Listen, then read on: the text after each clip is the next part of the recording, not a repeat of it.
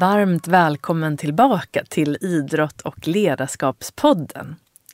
I det här avsnittet är jag mycket glad att få presentera min nästa gäst, nämligen Stefan Slätt. Stefan driver idag Värmdö bryggeri och är också grundare av det här bryggeriet. Och i det här avsnittet berättar han hur han gick ifrån att vara finanshaj till att bli bryggerikung. Så det blir ett avsnitt som handlar mycket om entreprenörskap och om modet av att lämna en anställning för att följa en dröm. Vi kommer in på ledarskap och såklart blir det en hel del om just öl. Så luta dig tillbaka, ta några djupa andetag och känn dig varmt välkommen. Nu kör vi!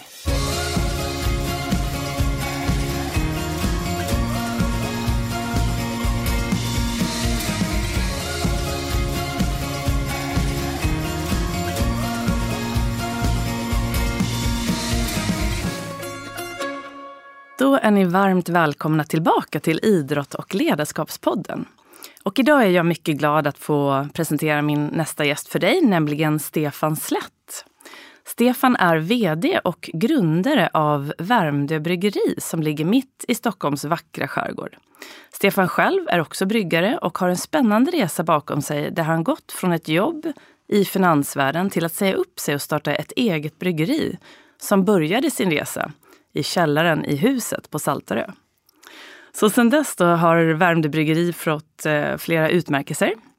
Bland annat så 2017 vann de eh, med deras Feel the Lingonberry eh, på Nöjesguidens ölmässa och 2018 så vann de igen och då var det med ölen Lussebulle Imperial Stout.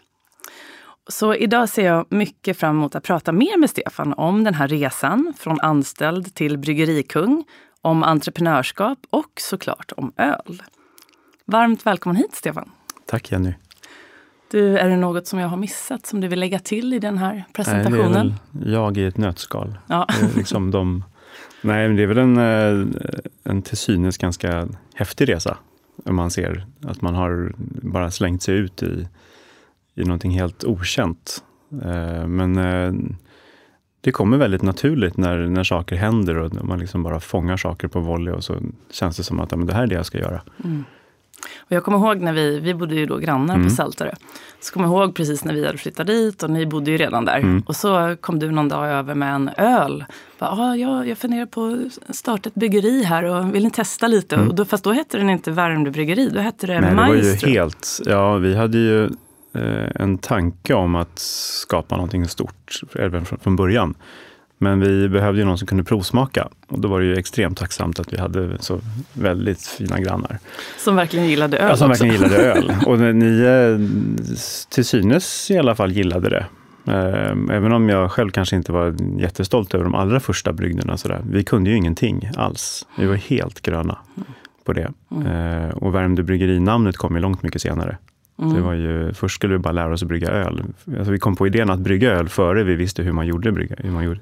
Så att det var ju en, en lite bak och fram-resa. Just det. På det sättet. Men eh, testpanelen är ju jätteviktig. Ja. Mm. Och det ska bli jättespännande. Vi kommer komma tillbaka mm. liksom, till hela den där resan. Men jag tänker, jag alltid, brukar alltid börja med en, som jag brukar kalla lätt fråga, fast mm. den är kanske inte så lätt.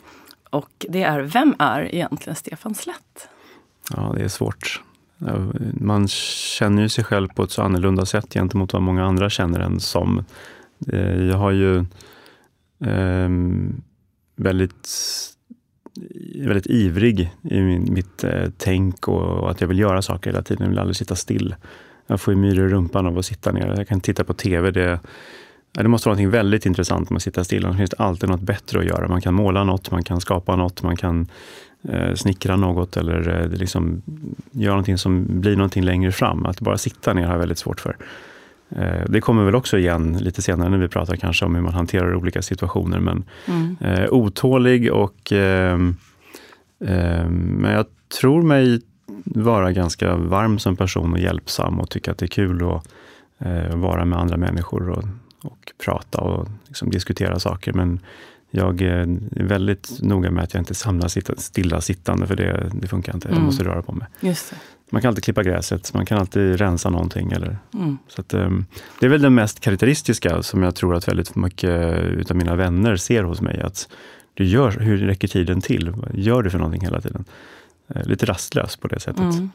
Men eh, ja, Ja, Precis. Och, och nu bor du inte då tyvärr granne med oss och vi är fortfarande väldigt besvikna. när ni, läm- när flyttade. ni flyttade dit så var det ju inte jättemånga månader innan vi tyvärr Nej. kom på den briljanta idén att flytta. Ja, Eh, inte så långt men ändå. Nej, inte så långt. Nej. Vi flyttade så att vi fick vardagslogistiken lite smartare tyckte vi. Mm. Saltade är ju fantastiskt fint, Mm. men vintern och eh, träningar och tre barn, eh, skola och sånt gjorde att vi kände att vi kunde få det lite, lite enklare. Mm. Så då så- byggde vi nytt. Just det. Och så har du Värmdö bryggeri på Ingarö. Ja, Ska vi, apropå precis. Stockholms skärgård. Ja. Mm. Och eh, så hur kan en dag i ditt liv se ut? Om vi pratar först om nuläget. Då. Mm. Nej, men det är väl, eh, rutiner är också rätt skönt att ha. Då funkar det. Liksom. Det är nästan på, på sekunden många gånger. Att det är skönt om det bara flyter på de vardagliga sakerna. Då har man liksom ro att ta det andra med lite mer på volley när de dyker upp. Men eh, jag brukar eh, lämna barn. Vi går upp, käkar frukost och sen så är det bryggning eller tappning. Eh, och det är lite speciella moment på det sättet att man kan inte bara stänga av och ta en fika eller åka iväg någonstans, utan har man dragit igång en bryggning eller en tappning, då måste man köra hela vägen ut. Så det är man klar vid kanske tre tiden. Och då blir det inte mycket lunch eller mycket liksom strötid, utan då är det jobb hela tiden. Eh, nu är ju inte alla fem dagar i veckan produktion, men eh, fyra skulle jag säga. Mm. Minst tre, men oftast fyra eh, och ibland även fem. Eh, och det gör ju att det blir en ganska så intensiv dag. När man kommer hem har jag ofta gått mellan 12 och 15 000 steg liksom på jobbet bara. Eh, och inte suttit ner förrän jag sätter mig i bilen på vägen hem igen. Så det är ju ett väldigt aktivt, Mm. en aktiv dag. Mm. Och väldigt tacksamt att få, få in motionen Ja, på det är det jobbet. ju. Nu är kanske inte alla rörelser så jätteergonomiska. Väldigt mycket lyft. Vi, alla säck, allting väger ju 25 kilo. Så man bär ju Okej. väldigt mycket saker hela tiden. Ehm, det är väl inte optimalt för ryggen, men ehm, man lär sig hantera det. Man blir ganska stark. Man märker det när man plötsligt gör någonting annat på fritiden med någon kompis. Och så bara, Shit vad du, vad du tar i, vad liksom, hur orkar du? Men det är en, en ehm, åtta och ett halvt års, nio års, ska jag säga, tungt bärande av maltsäckar och ölkartonger. Så, Just det, så blir man styrketräning. Liksom. Ja. Så att gym blir det ju tyvärr inte så mycket utav, utan vi är ju hemma ganska skaplig tid då, så man kan hämta barn och laga middag. Och, eh, men sen kommer ju all admin och allt det här kreativa som ska ske. Det är väldigt svårt att få tid till det på bryggeriet. Vi har ingen sittplats där inne överhuvudtaget. Man sitter på en öltunna om man vill sitta. Ehm, och, ehm, så att redovisning, bokföring, offerter till Systembolaget, sånt sker liksom kvällstid. Ja, okej. Och Till då gör du det, gör du det själv Ja, det hemma? blir så fan, ja, Ja. hemma. Mm. Och så får man försöka hantera det tillsammans parallellt med lite läxläsning och matlagning. Och, Mm. så att det är en, en, ett, någon typ av ordnat kaos. Liksom. Det är ju en, en, till synes en, en ganska så, så eh, hektisk dag, men det är ändå planerat på något sätt att det funkar.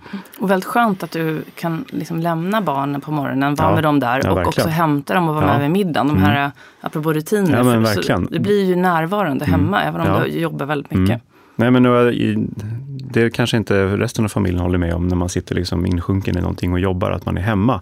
Och ibland har vi pratat om det också, att men det är bättre att jobba på jobbet och vara klar när man kommer hem, men det går liksom inte. Man stänger inte av jobbet när man har ett eget på det sättet. Det snurrar ju tankar hela tiden. Mm. Man står och, och så skrapar man eh, stekspaden i, i stekpannan och så kommer man på att ah, det här, det här är metalljudet. Nu kommer jag ihåg ett lager som håller på att gå sönder i maskinen. Så det måste vi kolla. Och så googlar man det och så håller man på och beställer och så ringer man någon. Och, så att det liksom, man påminns hela tiden om det man gör dagligdags. Mm. Så det är väldigt svårt att stänga av det. Och det är väl en, både en fördel och en nackdel. Eh, stänger man av allt blir man ju väldigt trött. Då somnar Mm. ju direkt. Mm. Lägger mig halv elva och sover två minuter över halv elva, ska jag säga. Det är extremt Mm. eh, tror jag, påfrestande för kroppen så, att, liksom, att jobba så mycket hela tiden. Har du sem- får du en semester någon gång? Ja. När, är, när kan du ha liksom semester apropå säsongerna? Ja, sommarsäsongen är ju svår. Då vill ju väldigt mycket folk att man ska komma ut och köra ölprovningar och det ska vara eh, liksom happenings hela tiden. Då har ju, våra stora kunder är ju restaurangerna ute på skärgårdsöarna. Och de eh, har ju sin stor, största tid då, sin säsong, så att då måste vi vara med också. Och sen är det likadant på hösten, då är det andra restauranger som har högsäsong och på vintern är det julborden. Och, så det enda positiva med corona har varit att det har varit lite lugnare periodvis för oss just på ölsidan och det har inte varit så mycket event och ölmässor. Annars så tar ju de all den här lilla extra tiden som möjligen går att få fram. Den sugs ju direkt upp utav att man ska vara med på kvällar och helger på olika event. Ehm, så det är ganska intensivt. Ehm, den typen av den branschen är väldigt intensiv. Och mat och dryck konsumeras ju väldigt mycket på, på helger och kvällar. Mm. Så ska man vara med på liksom, i svängen, då är det Ja, då får man lägga på sju timmar till på kvällen sen efter man har gjort produktionen. Så mm. Man skulle behöva vara några till i bryggeriet, helt mm. klart. Och hur många är ni idag? Um, vi är ju två som jobbar på liksom dagligdags hela tiden. Sen tillsammans med Värmdö Musteri, som nu också är delägare i bryggeriet, så har vi ju hjälp med logistiken till exempel. Så vi kör inte ut själva, som vi gjorde tidigare, utan vi får eh, den tjänsten tillsammans med dem. Och det gör ju en, en ganska stor lättnad. Eh, och där sen har vi också två gemensamma säljare mm. i Musteri Bryggeri tillsammans. Då, så att de har ju en grym portfölj att sälja ifrån. Men det gör att vi inte behöver vara ute lika mycket liksom i det här dagligvaruhandeln och restauranger. Även om det egentligen är det som kanske är det roligaste, kombinationen utav båda. Men det är svårt att hinna med det. Man kan inte brygga lite och sälja lite. Man måste ju liksom brygga all in. Eller är man på sälj så måste man vara all in mm. på säljet. Så det är det som är lite komplicerat. Mm. Så, och, och, du har precis nu, för nu är det ju då eh, september mm. och eh, du har precis avslutat en väldigt stor produktion ja. på bryggeriet. Vill du berätta lite vad det var för något som ni um, har gjort nu ehm, precis? Ja, bakgrunden egentligen är ju att vi, eh, när vi gick tillsammans med musteriet för några år sedan, så bestämde vi oss för att investera ganska mycket i nya maskiner. För att dels kunna hjälpa varandra med, med produktionen, men också för att effektivisera bryggeritappningen eh, av flaskor och burkar. Eh, och då, det var 2019, så vi bestämde oss nere i Nürnberg på en mässa att köpa massor med prylar. Nästan 6 miljoner investerade vi i nya maskiner och sen så tvärdog ju marknaden i och med pandemin och, eh, men som tur är så hade vi då precis innan signat upp en läskproduktionskontrakt där vi producerar läsk och eh, även isteer och kallbryggt kaffe. Mm. och de körde vidare. De sakerna har då förbättrat vår position jättemycket jämfört med om vi bara hade haft ölen kvar som tidigare. Ölen tappade vi nästan 50-60 procent på. Så att de där grejerna fick vi lite tid för då att sätta på plats, för det är ju en helt nya processer. Så att då bryggde vi lite utav den här läsken och paketerade den och nu då i september 2021 så var, tänkte vi att nu jäklar, nu har vi övat färdigt på det här. Nu tar vi in två lastbilar med, med eh, massor med glasflaskor och så fyller vi. Ehm, det borde tagit tio dagar och det tog väl kanske nästan tre och en halv, fyra veckor. Mm. Eh, det är ett riktigt mastodontpass när man då kör från halv åtta på morgonen till halv fem på eftermiddagarna och liksom bara buller hela tiden. Eh, vi hade väl, eh, skorna satt i stort sett fast på golvet i allt sockerkladd. Men det är jättefina produkter. Det är ett kul varumärke att jobba med. Och vad heter varumärket? Det heter Törst.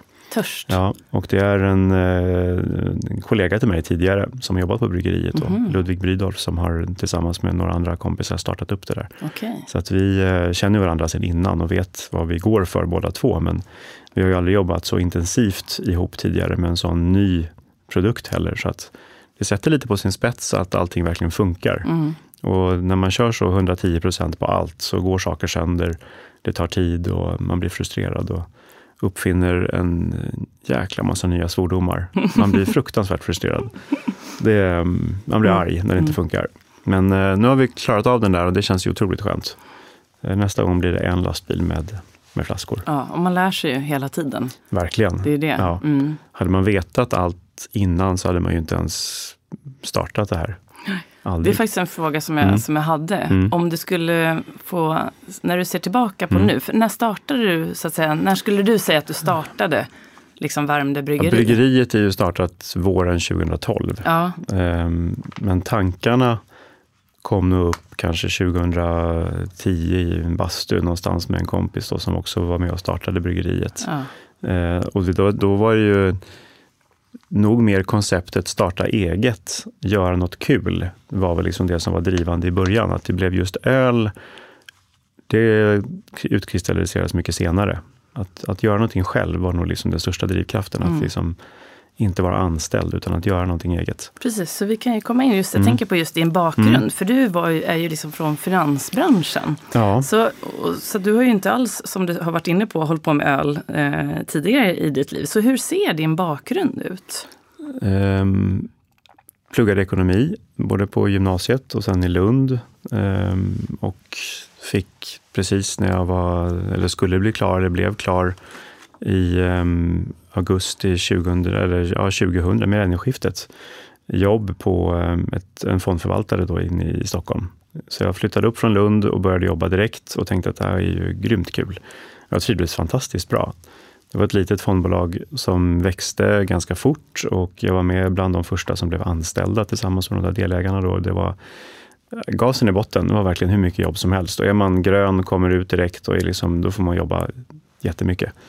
Och det var sena nätter och liksom, jag höll på med det i eh, ganska länge, upp till 2012, 2013 nästan, när jag sa upp mig därifrån. Det var ett olika bolag då i och för sig, men eh, extremt roligt i början. Men eh, allt eftersom tiden gick och man kände att jag också bytte företag då och kom till en större bank och det blev liksom mer, mer, mer en liten, liten kugge i ett stort maskineri. Då blev det ganska tråkigt direkt, när man inte kände den här pulsen längre, utan man man blir lite mer utbytbar, man har en, en eh, organisation som är väldigt mycket mer politiskt driven än egentligen liksom entreprenörsdriven. Då, då tappar jag sugen ganska fort. Just det. Det, är ju, det man saknar från den tiden skulle jag säga är ju kollegor. Att man har fantastiskt trevligt och man är så många och kan göra väldigt mycket olika saker när man är så många. Det är en styrka att all kunskap finns i ett och samma hus. Ehm, men det är ju samtidigt en... Nej, det är, lite för anonymt för min smak på det sättet. Det är, man drivs inte riktigt mycket, så mycket av liksom det entreprenöriella eller det här att skapa någonting, utan det är väldigt mycket politik när man hamnar i en stor bank. Mm. Så hur kom du in på det här? Ni satt liksom, var det någon kompis du satt och pratade om ja. att göra något annat? Eller, kommer du ihåg? Vi drack, när, liksom, drack, drack öl i en bastu. Ja. Och så höll jag upp den framför mig och så tänkte jag bara, det här måste man kunna göra bättre eller göra roligare. Liksom. Det finns ju inget kul. Det är, liksom, det är Carlsberg, Åbro, Spendrups eh, och vrider man även på de flaskorna som det står något annat spännande på så står det ändå Carlsberg, Åbro, Spendrups längst ner som konsumentkontakt och kände, finns det bara dem? Liksom, måste finnas fler. Eh, och helt uppenbart så satt det nog eh, minst 40 killar till inom bastun någon annanstans och tänkte samma sak. För att 2011, 2012, 2013 så exploderade det ju i stort sett och har väl fortsatt nu också till viss del och fortsätta öka med nya bryggerier. Men då var det nog startskottet för den här liksom stora boomen. Sen finns det ju ett stort gäng bryggerier som har funnits eh, ytterligare tio år tillbaka tidigare som var riktigt, riktiga pionjärer. Men eh, den boomen kom där ungefär vid 2010, 2013. Man brukar säga det att en idé kommer sällan ensam. Nej, det är ju så. Så det är på något ja. sätt att marknaden mm. kanske är redo och så helt plötsligt mm. så, så blir det så. Ja, men det var mycket saker som påverkade det också tror jag. Att eh, det blev ett större intresse och ju fler bryggerier som startade, desto fler av Sveriges invånare fick ju en, en närhet till ett nytt bryggeri där de, de fick lära sig mer om öl. De blev mer kräsna, började fråga efter lokal öl istället för att dricka det vanliga. Eh, så det, det liksom blev en snöbollseffekt utav det. Mm. Sen är det ju väldigt många som har eh, kämpat och kämpat och liksom aldrig riktigt kommit någonstans och det är några som har dragit iväg och blivit jättestora. Och vi är lite mittemellan och eh, liksom har kommit ganska långt. Eh, men det har mycket kvar att göra, mm. massor. Mm. Just det. Så vad var det sen som gjorde då? Du satt där i bastun, ölen, och sen att ta det här modet, att ha det här mm. modet att lämna då det man ofta kallar trygghet mm. och att vara anställd till ja. att liksom bli entreprenör och egen. Mm. Vad var det som gjorde att du vågade? Väl, dels så när man sätter bollen i rullning och man börjar liksom skapa någonting, så börjar ju bollen rulla av sig själv så småningom. Alltså man får börja springa efter och tänka att nu måste vi styra det här åt rätt håll och få det dit vi vill. Och det börjar ju ta mer och mer tid att skapa de här liksom, eh, möjligheterna för att skapa, göra ett bryggeri. Det är, vi började legotillverka nere hos Kröneline först och köpte en stor långtradare med färdig öl och upp med egen etikett på liksom, och tänkte nu ska vi sälja. Ja, det var ju inte helt lätt att sälja de här ölen som håller ett år eh, och hade otroligt mycket öl att dricka själva också. Dessutom var det folköl, så att eh, den marknaden är ganska begränsad. Eh, men då när vi var ute och sålde så märkte vi också att intresset för lokalt var jättestort. Det var flera, flera gånger varje vecka så hörde vi att ja, men ni borde göra det här själva. Eh, och starta lokalt, då hade det varit mycket, mycket lättare att få ut och sälja. Eh, så det var väl det som kickade igång det riktigt, att vi kände att dels kan vi styra produktionen själva, vi behöver inte köpa så mycket åt gången, vi eh, blir starkare lokalt, vi får en, en tydligare koppling till de här, de som vi säljer till, att vi kan säga att det här har vi gjort, det här är från Värmdö.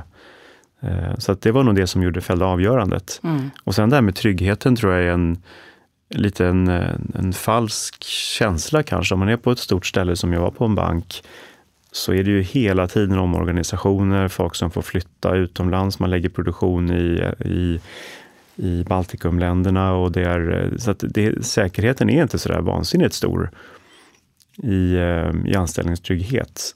Nu kan man väl kanske försöka planera lite bättre, men det är väldigt svårt. Vi, eh, samma veva som jag bestämde mig för att nu, nu funkar det inte att ha två jobb, vi måste liksom lämna den här tryggheten då, som vi kallade det för, eller banken. Mm. Eh, så blev eh, Anna, min fru, gravid igen med barn nummer tre.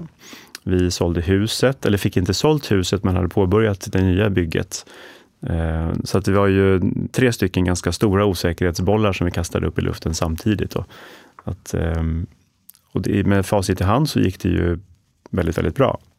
Men eh, just då kändes det ju otroligt svajigt när man då inte riktigt visste om man skulle få lön varje månad, vilket vi faktiskt har fått. Ända sedan vi, började jobba där då heltid så har vi fått lön varje månad. Mm.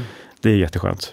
Mycket bra jobb, otroligt kul. Ehm, men att bygga hus i sig är ju en ganska stor utmaning med alla val man ska göra, leverantörer som inte håller vad de lovar och liksom mycket saker som dyker upp hela tiden. Och att då också ha ett helt nytt eget jobb och sen så ha en, en liten plutt så, som är precis nyfödd samtidigt. Det, det var ganska utmanande tid får mm. man säga.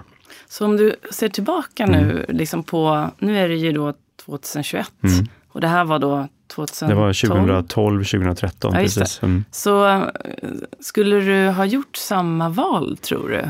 Hade man, Igen? 2000, när man stod där och hade man fått listan, the shitlist, det här är det som du ska gå igenom under de närmsta fem, sju åren, mm. så hade man bara, nej tack, det finns nog andra saker jag kan göra. Helt klart. Um, men nu som tur är får man ju inte den listan. Hade man fått det så, det, jag tror ingen hade gått igenom de sakerna man har valt i många fall eh, när man får så mycket saker som man vet att det här kommer bli jobbigt. Mm. Men eh, utan den vetskapen så är det ju bara att kasta sig in och köra. Och det går liksom inte heller bara att, att bryta ut enskildheter, utan allt hänger ihop. Om vi inte gör vissa saker, då kommer inte andra saker funka. Så att man lär sig ju ganska fort att det är bara att ta dem sak för sak, lösa problemen och så försöka liksom titta framåt hela tiden. Mm. Och vad tror du är drivkraften de här gångerna när det blir mm. det där tuffa, du vet där det kommer och produktionen funkar Nej. inte och alla de här hindren som då dyker mm. upp, den här shitlisten. Vad tror du det är som har gjort att du har kunnat fortsätta driva Envis, dig? Envisheten är ju väldigt viktig. Och sen är det ju alltid ett kniven på strupen lite grann. Det finns ju inga pengar i början heller. Vi hade lite pengar att stoppa in, men det går åt mycket pengar. Eh, det är en ganska stor skillnad på, på vad vi tänkte skulle klara oss med och vad faktiskt har behövts. Eh, så det är väl ett, eh, en lärdom verkligen, att ta i från början ordentligt. För att även de planer vi gjorde, där vi tog i ganska mycket, så behövdes det ändå mer pengar. Eh, och det är väl det som också har varit, att vi är väldigt sparsamma och har verkligen hållit i kronorna jätte, jättehårt. Men det är just det där när, när saker händer. Visst, man kan ringa en hantverkare eller en maskinoperatör eller en servicetekniker som ska komma dit och fixa någonting. Men oftast så tar det tre, fyra dagar innan man kan komma. Det kostar minst tre gånger så mycket som att göra det själv. Eh, och har man inte gjort det själv så har man inte lärt sig någonting på det heller.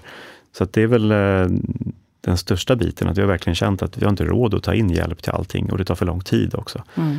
Eh, Dessutom är inte, nu finns det lite mer hjälp att hämta från, det finns ganska mycket bryggerier, men tidigare så var det ju väldigt få som hade liksom expertkunskap inom de grejerna och maskinerna vi höll på med. Så att det var egentligen bara att kavla upp ärmarna och testa. Ja. Och jag har ju alltid pillat sönder saker, radiostyrda bilar och radioapparater och liksom skruvat isär saker. Och, liksom, och det har väl hjälpt att man är väldigt intresserad av saker, annars så funkar det inte.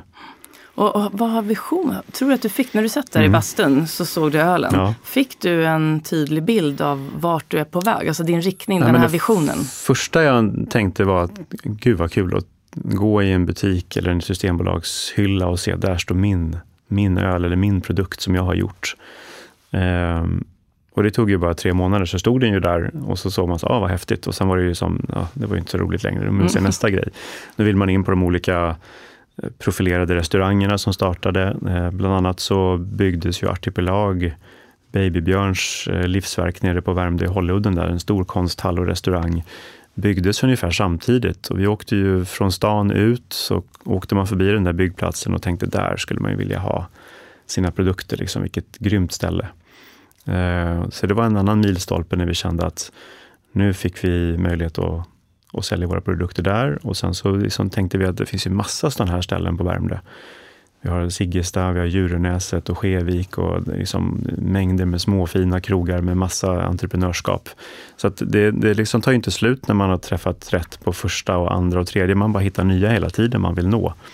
Um, och då har vi ändå bara skrapat på ytan. Stockholm är ju jättestort och Mälardalen bor ju en stor del av Sveriges befolkning. Så att eh, det, nej, man, man, man firar lite för sällan de, de här målen som man kanske har vid ett tidigt skede, men som när man uppfyller dem så blir det liksom bara en, ja, ja nästa, nästa hela tiden. Mm. Och det är väl det som är drivkraften också, men det är, jag tror inte det har skadat så mycket heller att stanna upp ibland och reflektera. Nej. Och hur kom ni in på Systembolaget?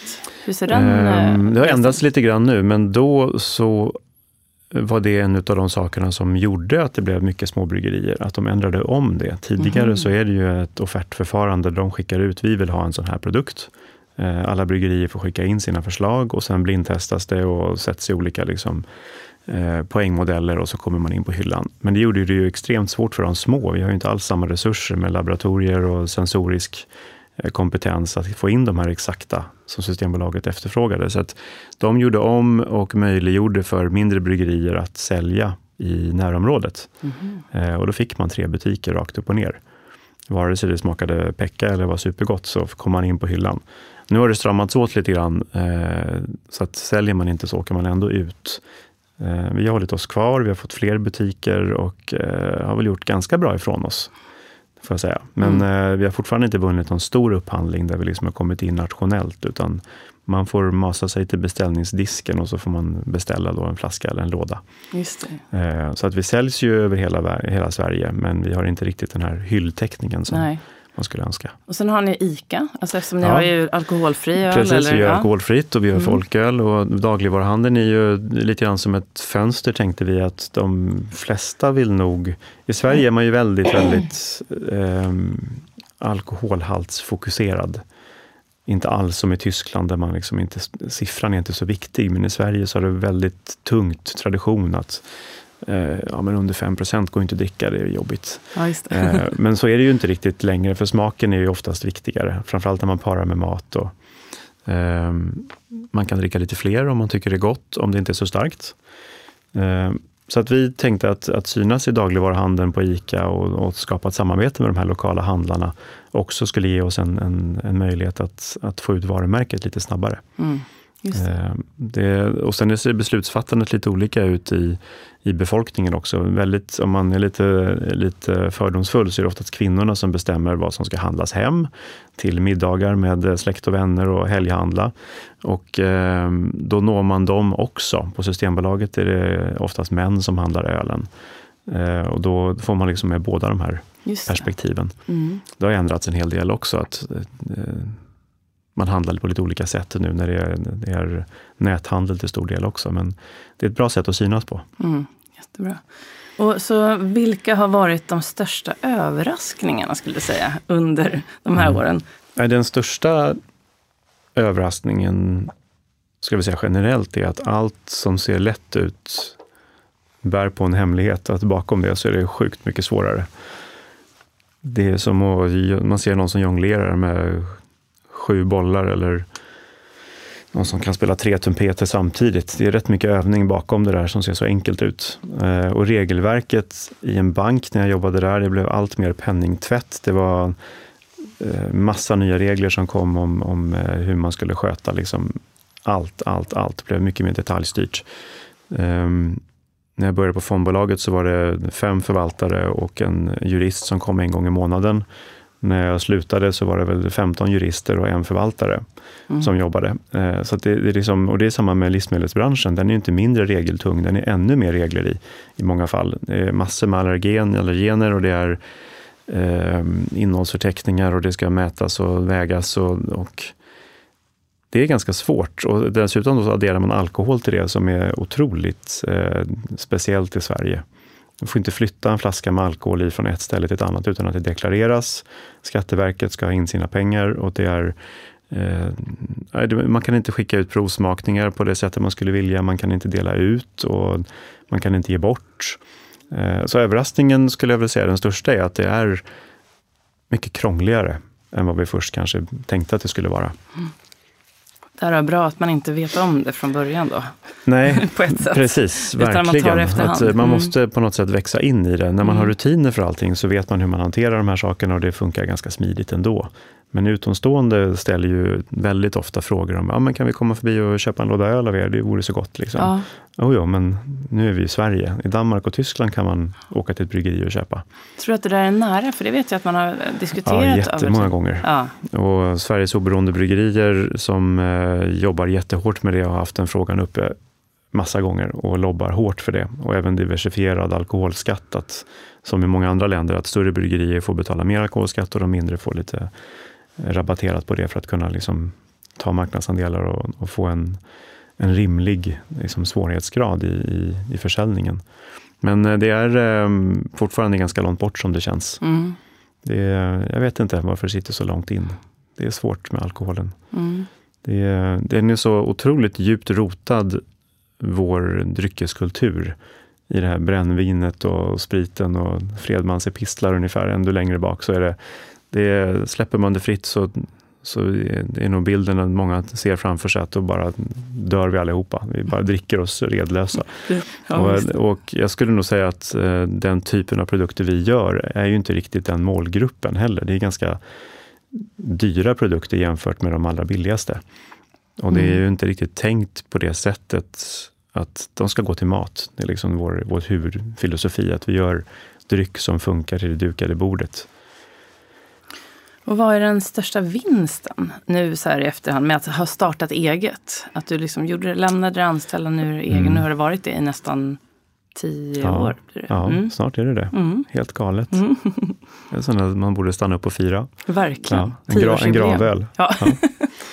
Nej, jag skulle säga att... Um, du får skapa en ny öl ja, till den. Precis. Det blir perfekt. Nej, men det är väl någon typ av frihet också. Att man styr ju både i, i det lilla och det stora och vartåt man vill. Vad vill, jag, vad vill jag göra för någonting? Sen är det inte alltid tiden räcker till för det tyvärr, att man, man tar sig inte riktigt den här tiden att åka på en, ehm, en weekend med de anställda eller sina kollegor som man kanske gör på ett större företag som har en längre track record och en tydligare, tydlig strategi. Vi, jag försöker hitta på strategin och modifiera den hela tiden för att se att den, var den passar in någonstans och vad kan man vinna lite grann, vad kan vi släppa lite grann som inte gått så bra och vad kan vi öka någonstans. Så det är ju det är väldigt sporrande att ha den möjligheten att kunna göra de sakerna. Sen så önskar jag ju att man kunde utnyttja den lite mer och eh, ha ett, ett, kanske ett, ett ännu närmare bollplank, ett samarbete där man liksom drar tillsammans. För att man mm. orkar ju inte själv hela tiden vara både kreativ och jobba framåt samtidigt som man ska sopa glassplitter från golvet och eh, köpa in malt och planera allting för dagen. Så liksom, det är svårt att kombinera de sakerna. Mm. Nu börjar det ju lätta ganska mycket. Vi känner ju att vi har vind i seglen. Även om vi tappade på, på ölen under pandemin så gjorde vi ändå vårt bästa år 2020 eh, någonsin tack vare de här legoproduktionerna med craft-sodan och iste och kallbryggt kaffe och, och, att hjälpa musteriet med att buteljera deras äppelmust också. Mm.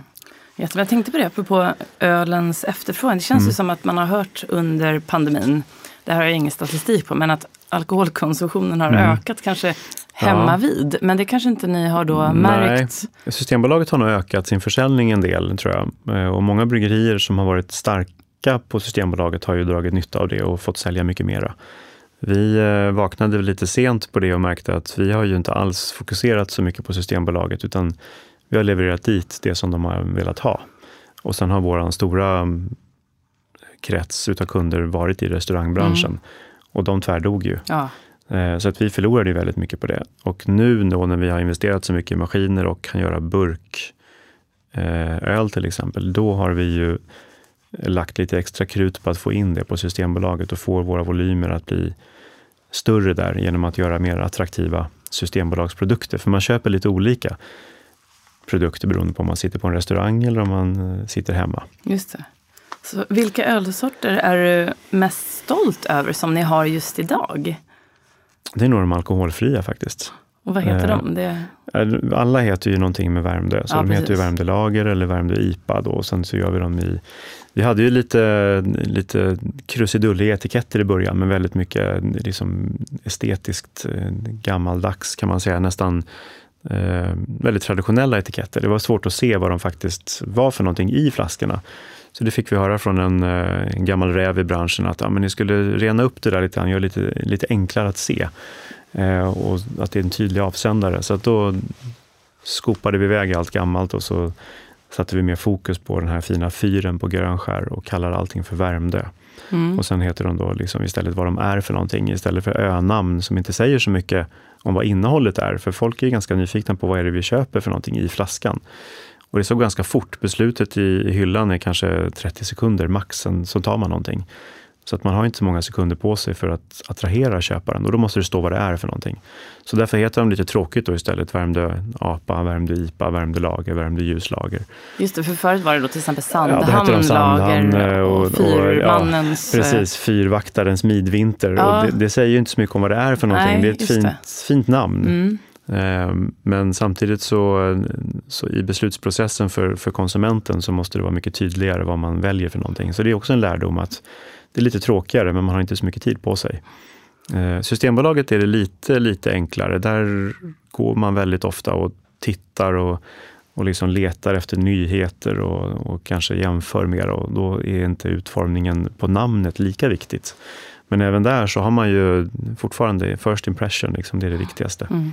Det är så häftigt för du är ju verkligen med i hela kedjan här. Mm. Från att du verkligen gör ölet, ser ja. råvarorna, mm. Till att jobba med etiketten och se ja. slutprodukten. Mm. Det är... Ja, men det är superkul. Jag älskar att sitta och pilla i Indesign och Photoshop och liksom göra tankarna där. Sen så kan jag inte göra det tryckfärdigt. Det är för komplicerat för mig att liksom få ihop det sista, så då har vi hjälp. Mm. Men väldigt långt kan man ju komma med att man liksom får eh, det man tänker ner på pränt mm. eh, och får det ganska färdigt. Eh, men sen när man ser slutresultatet så bara wow, shit, så här fint kan det bli när någon som verkligen kan mm de här programvarorna göra det. Det blir otroligt häftigt. Mm. Och sen, om man tänker, idag är vi så um, måna om att veta vart produkterna kommer mm. ifrån. Apropå mm. ekolo eh, både ekologiskt mm. men också hela den här kedjan så att det känns liksom väldigt ja. bra för människan och produkterna. Mm. Och naturen. Och eh, så hur, var kommer era råvaror ifrån mest? Ja, mest är det från eh, LRF Lantmännen där vi köper all malt ifrån. Ehm, så den är till, till eh, största delen svensk. Lite av den rostade specialmalten kommer från Finland. Ehm, men sen precis nu, det är väldigt spännande, det är ju att vi faktiskt köper malt från gården precis där vi ligger. Mm -hmm. Så att fälten runt omkring bryggeriet, eh, där det odlas ehm, korn idag, men som då Micke Windahl som, som driver Säby gård har skickat till eh, whiskyproducenter i Skottland där har vi eh, sagt stopp, vi vill ha det här också. Så att vi har faktiskt köpt de första tonnen utav eh, egen malt, eller korn då, som det heter, från eh, extremt nära, från bonden, vägg i vägg med oss, som då ska skickas till ett mälteri eh, här i Sverige också, då, så att vi får det rostat till den eh, graden som vi då vill ha det i vår öl. Mm -hmm. och då får vi ju ett extremt lokalproducerat öl där liksom vattnet är från oss. En väldigt stor del av ölen är ju vatten. Eh, malten kommer komma från eh, Nästgårds. Humlen, som också är en väldigt väsentlig del, odlas ute på Siggesta. Mm -hmm. De odlar en väldigt stor del utav den humlen vi använder. Vi kompletterar med lite andra sorter. Om man ska göra en IPA till exempel, så behöver man mycket mer aromatisk humle som doftar mer och smakar lite mer. Och det är svårt att få fram i Sverige med den eh, ganska kalla klimatet vi har, så att då får man komplettera. Men för våra basöl som ljusa lager och sådär, så får vi en extremt lokal eh, sourcing av råvarorna. Det är jättehäftigt. Det är mm. fantastiskt att höra. Det känns ju också ja. när man får reda på vad som finns i ölen från mm. grunden. När man sen ja. dricker den, då blir det ju något helt, ja, upplevelsen ja. blir något helt annat. Och det är väl lite så vi har tänkt från början också, att det är mycket mer än bara en öl. Det är en, det är en känsla. Det är en upplevelse. Det är svårt, har vi tänkt, de gånger när man har sagt, eh, när man är i mässor på olika ställen, att ja, men kom, ni får ett bord, ni får en duk och så får ni en vit vägg och så ställer ni upp era öl och så får folk prova. Ja, men det kommunicerar ingenting om känslan. Det är smaken på ölen. Den måste vara prickfri, den ska vara god. Men det går aldrig att göra en öl som alla gillar när man gör en ljuslager. Det finns otroligt mycket nyanser i en öl. Ehm, till och med vetenskapligt bevisat att det är mera smakkomponenter i en öl än vad det är i ett vin. Det är otroligt många olika små, små, små detaljer som ska spela rätt. Så att det går ju inte att skapa en öl som bara wow, den här tycker alla om. Men man skapar en känsla kring varumärket. Och den är ju nästan det absolut viktigaste. Mm. Eh, och då är det ju ganska enkelt att börja lokalt och jobba med de människor som bor omkring oss och försöka få dem att få den här känslan som vi vill förmedla, då, att man bygger det på det sättet. Mm. Sen begränsar det lite grann över sikt också, att man heter man Värmdö så kanske Sollefteåborna inte tycker att det är världens bästa, utan de vill ha något eget. Men eh, tittar man på de större bryggerierna så har de också oftast ortnamn eller lokala namn. Men, så det är en trappa, man måste liksom över det här och bygga varumärket med liksom den här riktiga känslan. Mm. Och det, ja, Mm. Nej, fortsätt. Nej, jag var bara nyfiken nu på mm. hur mycket öl ni producerar per år. Eh, vi har varit uppe på typ 100 000 liter per år. 100 000 eh, liter? Eh, ja. Hur många? Det är ungefär det 300 000 glasflaskor. Ja, eh, det är ganska mycket eh, ur ett litet bryggeris perspektiv. Och det är väl ungefär, brukar skoja, ja, men, eh, Carlsberg byter slang från ena tanken till den andra så rinner det ut på golvet ungefär motsvarande mängd som vi producerar. Mm. Um, och några av de större brygger ju en miljon liter om dagen när det behövs. Så att, men i, i småbryggerisammanhang så var vi ganska länge ett bryggeri med ganska mycket kapacitet och eh, väldigt stora möjligheter och flexibilitet. Nu har vi tappat lite under pandemin, men nu kommer vi tillbaka ganska mycket, känner vi. De kunderna som liksom drog ner har i många fall återhämtat sig nästan helt. Eh, och i och med två nya säljare ute på fältet så märker vi också att det liksom ökar på.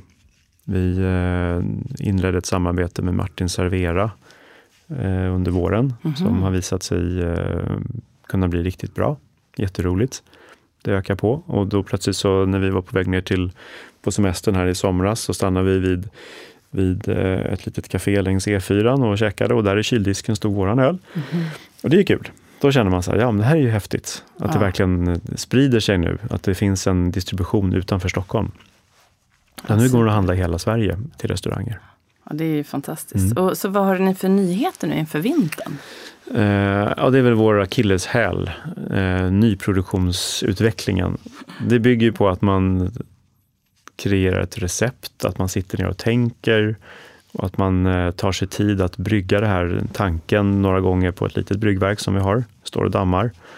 Ehm, och ser att det blir så som man har tänkt sig. Och det tar ganska lång tid. Ska man göra det där på riktigt, riktigt, riktigt bra så tror jag man i alla fall behöver sex månader på sig att få fram en bra produkt.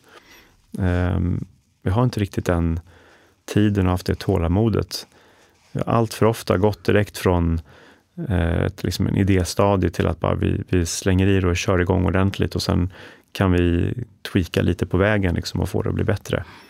Eh, och det är ju långt ifrån optimalt som jag kände. Man, man måste få göra en riktig research. Så vi har faktiskt ingen ny öl till vintern. Vi har ett, eh, ett bra julölsrecept mm. som vi kommer att köra. Är det så att man dricker generellt sett mer IPA på vintern? Eller? Det skulle jag säga att de flesta håller med om. Men det, allt mer så blir ju de här lite mer nischade ölsorterna mer populära. Mm. Så att jag tror att volymerna ökar faktiskt året runt. Men eh, de, ju mörkare öl, desto mer tempererat dricker man det ofta och då passar det bättre på den mörka årstiden. Det var ju ganska gott om mörk årstid i Sverige, så att det är ju mm, ganska mycket tid att dricka IPA och stout och mm. liksom lite kraftigare ölsorter. Passar också bättre till den typen av mat. Jag är, så, jag är lite nyfiken mm. på IPA, just för det, det är min favoritöl mm. själv. Och det står ju för Indian Pale Ale. Ja. Var kommer det namnet ifrån? Kan du det?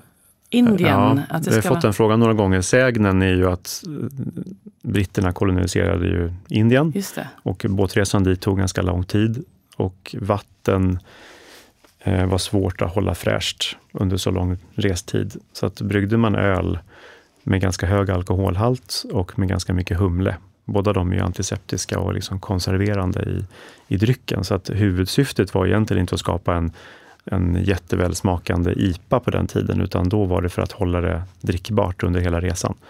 Den smakade säkert långt ifrån som IPorna smakar idag, men humlen i sig är ju en gammal medicinalväxt. Det är ju en hampaväxt från början som är antibakteriell och eh, eh, konserverande. Så att med mycket humle i så fick man en, en, en produkt som höll länge. Mhm. Sen har ju det då liksom utvecklats över tiden såklart. Så att en India Pale Ale kännetecknas av en ganska hög beska och en, en blommig doft från, från humlen. Då. Det är lite som när man väl har börjat Mm. gilla den så är det väldigt svårt att gå tillbaka till. Ja, men allt annat tycker jag. smakar väldigt lite plötsligt. ja, så är det. Ja. Sen har det ju växt jätte, jättemycket med alla nya humlesorter som har kommit från USA och från eh, eh, Sydostasien och ner i Australien och där det finns mycket värme och sol som gör att det blir smakrik humle. Mm. Så nu, det är ju så spännande att liksom Mm. prata om just ölen, men vi ska prata lite om ditt ledarskap Mm. också. Eh, och din roll som vd. Så du, ni har ju verkligen en produkt som är, eh, ni kan den väldigt väl och den Mm. är, behöver inte oroa er för den. Och jag vet att ni har fantastiska ölsorter och även om ni inte får jag tror inte man behöver ha någon ny varje år heller, utan har man ett bra Nej. utbud från Mm. början. Liksom. Men, men jag tänkte på ditt ledarskap som vd, hur skulle du beskriva det? Eh, osynligt och eh, bestämt. Nej, men det bygger väldigt mycket på förtroende skulle jag säga. Verkligen. Att vi, ehm, jag leder nog inte så tydligt så med, med liksom direktiv och från talarstolen, utan det bygger på att vi hittar rätt personer som funkar ihop och att vi, man förstår sin plats, man får de, den hjälp man behöver. Och, ehm, jag ger väldigt mycket, men jag förväntar mig också att man ger väldigt mycket tillbaka när man jobbar. Att, eh, det, det är en sån process också som, det ger inte så mycket utrymme för, för någon annan att eh, komma med egna, alltså när vi brygger och testbrygger eller gör saker som är liksom utanför produktionen, så är det väldigt upp till eget ansvar och väldigt fritt. Att vi, vi ska hitta på en ny öl, okej, alla får komma till tals, vi, vi diskuterar. Och, men i själva produktionen så, så har vi ju rutiner för nästan allt. Man behöver inte tänka så mycket på det. Eh, och det är väl både bra och dåligt. Ehm, I vissa avseenden måste man kanske stanna upp och reflektera över hur man gör saker, man kan göra det smartare. Men jag är ganska prestigelös på det. Jag menar, kommer man på ett bättre sätt att diska en tank eller ett smartare sätt att dra slangarna eller ett bättre sätt att eh, flytta runt saker på lagret eller ställa på annat sätt, eller så, så kör vi på det. Liksom. Det är bara att prova. Det är ju väldigt korta beslutsvägar. Det är inte så att det, det måste tas i ett styrelsebeslut eller en samverkansgrupp eller eh, alla de här olika konstellationerna man hamnar i på en bank där 30 personer ska säga sitt. Det tar otroligt mycket energi. Här är det bara, okej, okay, men då provar vi det. Nej, det funkade inte, eller det funkade och så Mm. kör vi på det. Så att, eh, sista ordet har jag ju, men jag tycker nog inte att det ska kännas så för de som, som jobbar, utan att man har ett stort ansvar själv. Att man vet ju att det ska vara snyggt eh, och gärna prydligt. Jag gillar när det är undanplockat och fräscht. Liksom. Det går inte att börja någonting nytt om man har massa gammalt skit efter sig som inte är färdigt. Så det är väl det jag är hårdast på. Att, nej, men börja inget nytt förrän det andra är färdigt. Gör klart. Just det. Eh, det ger en ro att, att, eh, att man börjar på en ny kula, att man har liksom rent bord när man gör nästa sak. Då blir det bättre. Mm, ja, men det här att ha ett bestämt ledarskap och att vara ändå osynlig. Mm. Hur, hur bra är du på att eh, delegera, tänker jag? Väldigt dålig. Extremt dålig. Eh, både privat och, och liksom på jobbet.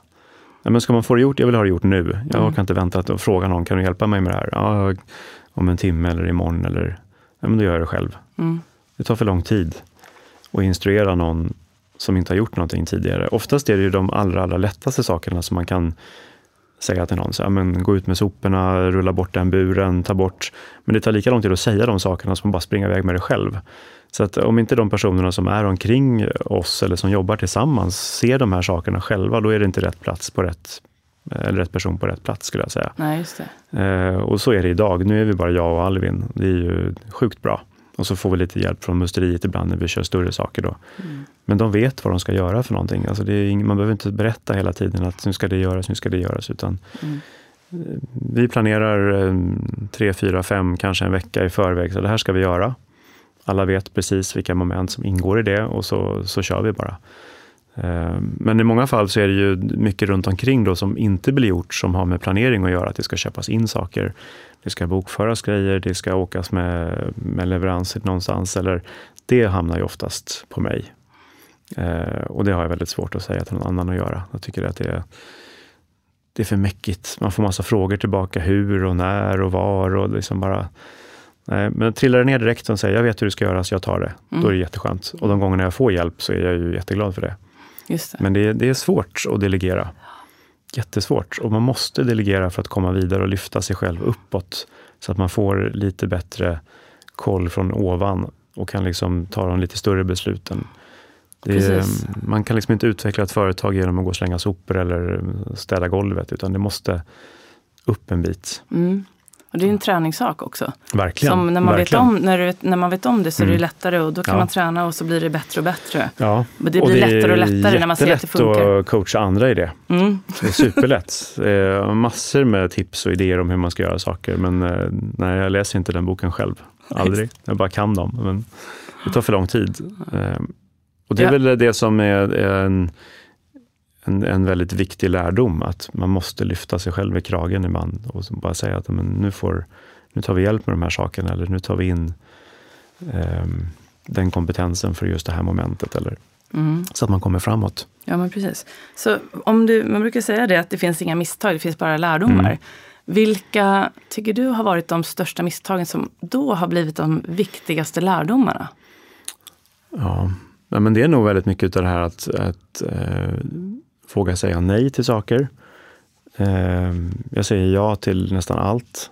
När någon ringer och frågar om ehm, kan ni göra det här, kan ni vara med på det här, kan vi, eh, kan vi köra det här eventet då om två månader på, på det och det sättet? Så ja, visst, inga problem, det fixar vi.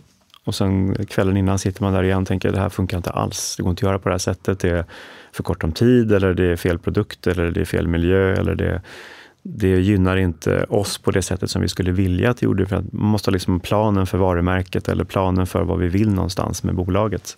Det är väldigt svårt om man svarar ja till allt och inte väljer saker. Eh, Det går inte att vara för snäll i en sån situation, att man tycker att ja, men det är tråkigt att säga nej, då hamnar den i en jobbig sits. Eller, ehm, utan det är en stor lärdom, att prioritera hårdare, ta hjälp oftare. Mm. Ehm, men även i småsaker är det ju eh, ödmjukhet att lyssna. Det finns väldigt många som har gjort liknande resor och har massa tips och idéer eh, och vågar lyssna på dem och liksom testa det, de sakerna som är eh, väldigt värdefulla. Sen ändras ju världen väldigt fort och väldigt många saker ser inte ut likadant nu som det gjorde för 10 år sedan eller 15 år sedan. Men i grund och botten är ju vi fortfarande människor och vi har inte ändrats så det är vansinnigt mycket. Nej, på den tiden. exakt. Och, så hur hanterar du stress när den uppstår? Ja, inte alls. Jag svär, slår i dörrar, ehm, kör för fort. Eh, nej men det, är en, det har blivit sämre med åren skulle jag säga. Mm. Mer, mer stress och sämre hantering av den stressen som uppstår. Helt klart. Och en högre medvetandegrad om att det måste göras någonting åt Mm. den här stressen också. Men eh, fortfarande så, alla tips och idéer rinner av som vatten på en gås. Det är bara, ja ja, det funkar kanske på andra, men det här måste bli gjort. Liksom. Det går inte att, att inte bli stressad över det. Många gånger så löser du ju sig i alla fall på ett eller annat sätt. Men just när man kommer in och det normala stället där stressen uppstår är ju när man kommer dit en måndag morgon och ska köra någonting och så men så finns inte allt på plats som ska funnits på plats. Lastbilen har inte kommit med de där flaskorna som skulle komma på fredagskvällen och stå klara där, utan nu har vi inte de grejerna som behövs. Och, ehm, ja, men det välter omkull schemat, planeringen man har gjort bara försvinner. Liksom. Mm. Och det är oerhört frustrerande. För det är svårt, det är långa ledtider med väldigt mycket saker. Man måste värma vatten, man ska brygga, man måste ha malt hemma, alla råvaror. Och det, det är extremt dyrt om man bara köper in sånt ad hoc hela tiden, utan Mm. man måste ha en planering. Eh, den stressen är ju ganska lätt tekniskt sett att slippa. Det är ju bara att ha en, en längre framförhållning på saker. Ehm, men då är man åter tillbaka igen till att det kostar väldigt mycket pengar att ha lång framförhållning. Likaväl som det kostar väldigt mycket pengar att ha kort framförhållning. Eh, Så att lärdomen är väl att eh, eh, försöka förstå vad man har gjort tidigare och försöka göra små steg framåt för att göra det bättre. Eh, Så att man slipper hamna i de här situationerna. Det, precis, och det kan ju vara om man har väldigt mycket hela tiden. Mm. Just den här, den här, det finns ju en, en historia som pratar om att stanna upp och vässa sågen. Ja, Det är två Mm. skogsarbetare Ja, och så precis. den ena står och sågar Mm. och så frågar den varför vässar du inte sågen? Mm. Ja just nej, men det hinner jag inte. nej, Men just när man har så mycket och Mm. när man också är Ja. helt ansvarig själv, det är svårt Mm. att hitta tiden. ja verkligen. För det är det att kunna stanna Mm. upp, reflektera, titta, okej vad har gått bra? Vad, Mm. Eller hur? Nej, men, eh, enkla saker som etikettmaskinen. Alltså, det, man gör världens bästa öl, man buteljerar den, den smakar fint, men etiketten kommer på snett. För att maskinen inte är rätt inställd, Ja. eller det är lite för varmt i rummet, eller lite för kallt, eller för blöt flaska, eller dålig etikettmaterial. Små, små saker.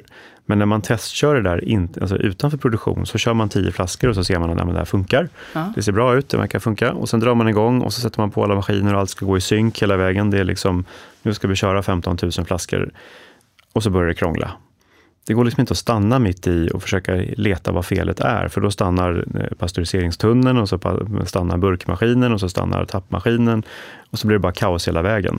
Det måste liksom gå. Ja. Eh, och det är eh, otroligt frustrerande. Att när man gör det man tror är allt rätt innan man drar igång och nu är allting fine-tunat och perfekt. Ja. Och så skiter det sig i alla fall. Så då har man ju uppenbarligen inte gjort allt rätt. Men ändå, att det är just det här att man har så mycket att göra att man hinner inte vässa sågen.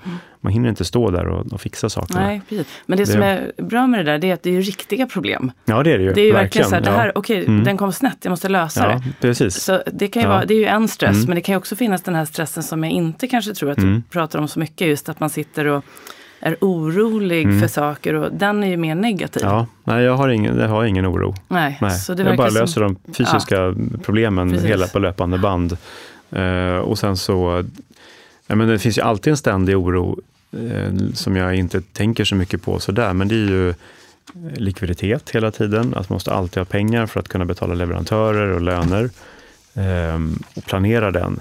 Jag har ju minutiös eh, likviditetsplanering, krona för krona, dag för dag, liksom, där vi kan se vad som kommer in och ut. Men det, periodvis så finns det inte så mycket utrymme för utsvävningar. Då måste saker funka.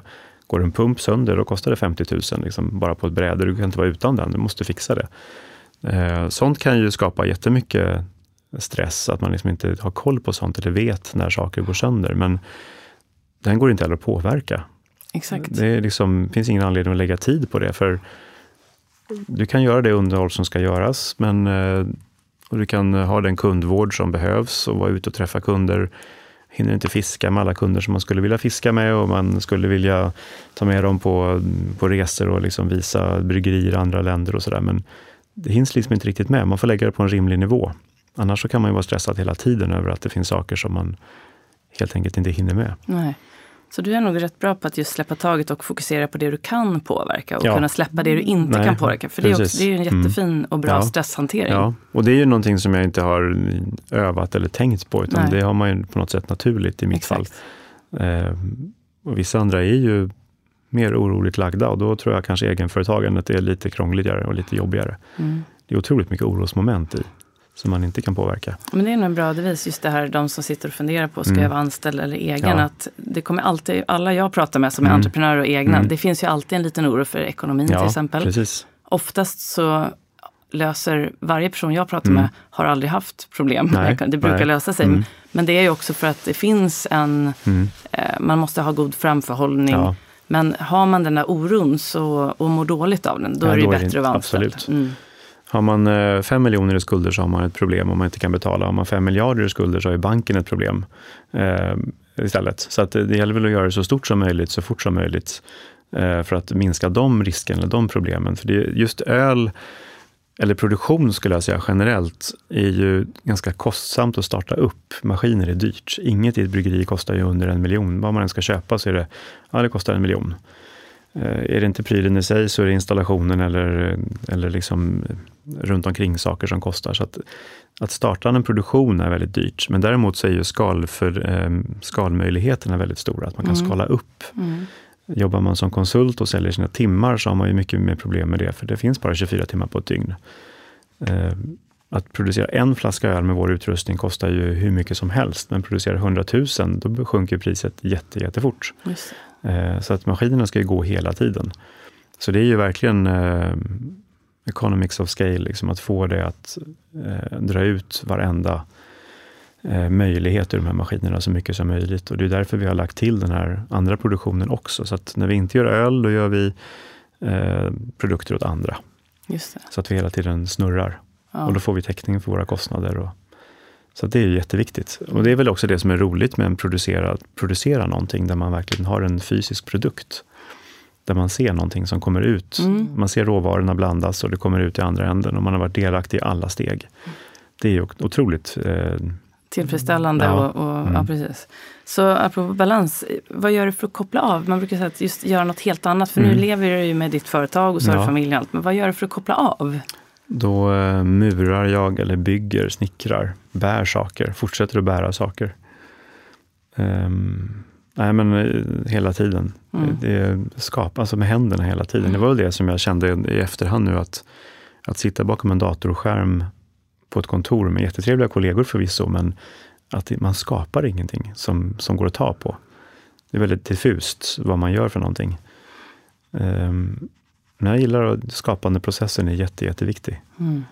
Så eh, det, är en, det är en hantverkare i inne i mig någonstans. En, en väldigt, en, en väldigt händig person. Liksom. Och det är extremt frustrerande att vara det också periodvis, att man kan allting. Eller det finns inga begränsningar på vad man inte kan. Mm. Eh, mentalt så känner jag bara, men det är bara att göra. Och så gör man det. Eh, fast det leder ju till väldigt mycket möda och ont i ryggen och att man inte riktigt hinner klart allt som man drar på sig heller, för att mm. man ska göra allting själv. Men är det där, jag tänker på de egenskaper mm. som du tycker att du har som är, har varit det viktigaste för att kunna vara entreprenör. Mm. Vad är det för egenskaper? Du har varit på några. Ja, men... Nej, men jag skulle säga att i, i tillverkningsfallet med maskiner eh, och där man har mycket saker omkring som går sönder måste fixa saker, så måste man kunna lägga sig på golvet och krypa under en maskin och skruva isär saker och laga saker. Um, annars hade det aldrig gått. För det är hela tiden sådana utmaningar. Um, Likväl som att det ska skrivas saker till Skatteverket och till, till eh, godkännande som leverantör på Systembolaget, att liksom grotta ner och förstå deras texter och, och, skapa etiketter. Då ska man sitta i ett annat program och så ska man klara av att tänka liksom estetiskt och lite mer finlämmat och så ska man samtidigt då, eh, byta lager i en tappmaskin som väger fem ton och hur man löser det när man ska lyfta upp dem. Och så, så det är väldigt, väldigt bredd i de sakerna. Men det är väl lite dumdristighet, blåögdhet och eh, en stor nypa mod mm. som jag tror är det viktigaste.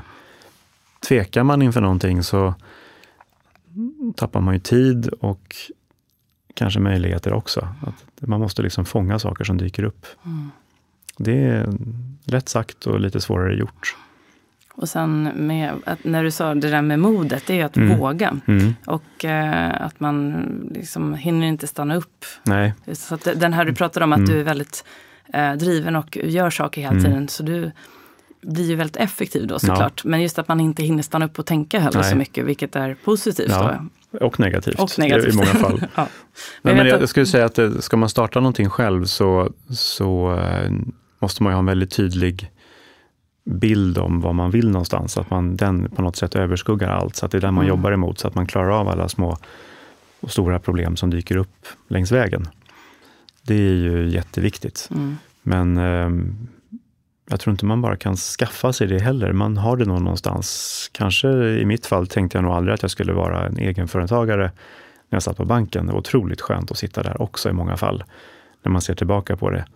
det ehm, är man en kugge i hjulet så kan man också logga ut en stund och så snurrar hjulet i alla fall utan någon större skillnad. Om jag tar några dagar off på bryggeriet så händer inte ett skit där nu. Det står liksom still. Då får man se till att ta de dagarna när det är fullt i tankarna och jag inte måste göra någonting just då. Så att man får ju vara flexibel i, i, de, mm. i de eh, tankebanorna att man måste ju jobba när det behövs och verkligen försöka vara ledig när det går. För att det är inte säkert de matchar. Nej. Eller väldigt sällan ska jag säga att de matchar de två förutsättningarna. Mm. Det, är, det är svåra. Du, vad har du för framtidsplaner? Vad ligger närmast? Är det något du vill dela med dig av? Um, nej, men att köpa upp Carlsberg och bara lägga ner dem. Det vore drömmen. Nej, men, nej, men det finns ju väldigt mycket mer realistiska saker såklart som är kul. Och det är ju att, att eh, nå ut mer och prata mer med, om, om eh, mat och dryck ihop. Att få liksom ett, en, en större förståelse för hur god mat kan smaka så mycket bättre med rätt dryck till. Och gärna öl då såklart, som vi har ägnat de senaste tio åren till att, att skapa och brygga. Men att det finns så mycket oupptäckta smakkombinationer som är roliga. Att eh, bli lite mera erkänd för de sakerna. Att skapa liksom ett varumärke där folk förstår och ser att oj, det är en större tanke bakom. Det finns en, eh, en, eh, en, en kombinationer som, som vi inte har testat tidigare. Och också försöka minska den här klimatpåverkan som vi har påbörjat lite, lite grann i bryggeriet genom att vi brygger öl med återvunnet bröd till exempel. Mm. Så vi tar eh, bröd som annars skulle ha slängts och sen brygger vi öl på det. Eh, tillsammans med Fotografiska har vi gjort det eh, några gånger och vi har gjort det tillsammans med eh, Artipelag också. Och även med dagligvaruhandeln. Att det slängs ja, det är ohyggliga mängder. Det är flera ton om dagen som slängs i, i bröd som inte är något fel på egentligen, men som imorgon kommer vara torrt. Mm. Men som går alldeles utmärkt att använda till annat. Det blir extremt mycket krutonger om man ska göra krutonger av alla brödrester. Så tänker vi att vi, eh, ett sätt att få hållbarheten längre är att faktiskt göra öl av det igen. Så att det går jättebra att göra det. Ju jätte, mm. jättebra. Men du, eh, Stefan, det finns ju jättemycket man skulle kunna fortsätta prata med. Men mm. jag tänkte avsluta med att fråga det jag brukar fråga här också. Då. Om du fick välja nu tre saker att säga till den som lyssnar. Mm. Som kanske drömmer nu om att antingen kanske starta ett bryggeri eller bli egen på något sätt. Mm. Vilka tre råd skulle du då vilja ge? Um, hitta folk som möjligtvis inte måste vara nära vänner från början, men som, som kompletterar dina egna styrkor och svagheter. Det tror jag är den absolut viktigaste. Eh, en bra finansiär är ju aldrig fel heller, som tror på långsiktigheten och, och sen så eh, att våga ta steget. Helt klart. Mm. Egna pengar är bra, men jag tror att det är väldigt svårt att starta i, eh, i lite, för liten skala och tänka att man ska skala upp. Um, i, var, I varje fall när det gäller produktionsrelaterade saker. Det blir extremt dyrt att byta maskiner och byta saker.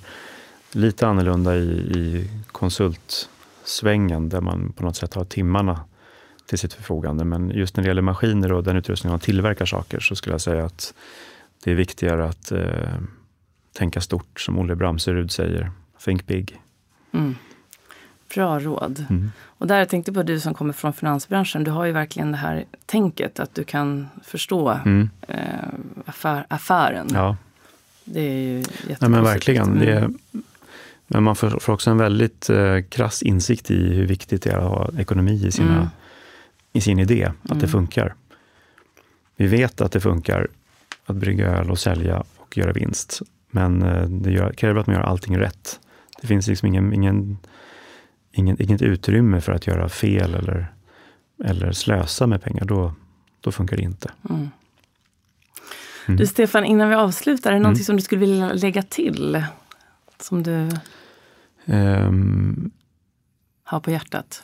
Nej, men jag är mottaglig för, för tips. Det är kul att höra vad andra har att, att säga om det vi gör från andra branscher. Mm. Sånt är rätt kul att höra. Ehm, Det finns alltid lärdomar att dra eh, som man liksom kan använda själv, som är väldigt kul. Mm. Ehm, Vi har haft väldigt mycket besök och visningar i bryggeriet med olika konstellationer av folk. Och även dumma frågor kan ofta väcka tankar som man tänker, ja, varför gör vi inte så? Mm. Eh, Och sånt är rätt kul, när man får aha-upplevelser själv. eh, man går ofta i sina egna stigar fram och tillbaka, men när man plötsligt sviker av åt ett annat håll någon gång och så tänker man, det här var ju kul, det här kan man prova. Så får man antingen en helt ny öl eller så blir det ett helt nytt sätt att tänka. Eller så får man någon, bara en liten effektivitetsgrej man sparar in lite tid på.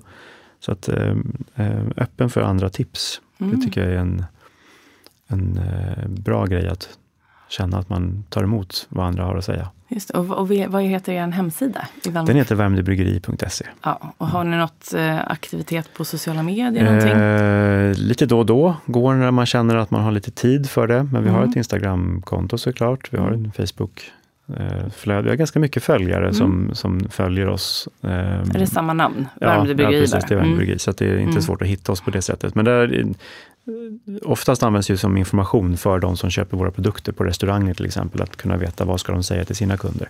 Så att eh, vi får ju inte sälja någonting själva.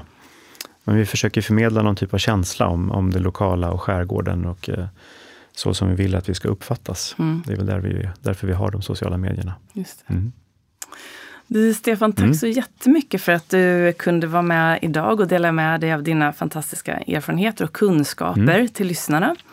Och jag önskar dig stort, stort lycka till och jag ser fram emot att eh, dricka öl med dig snart igen. Tack så mycket. Det var kul att få komma hit. Tack. Ja, tack.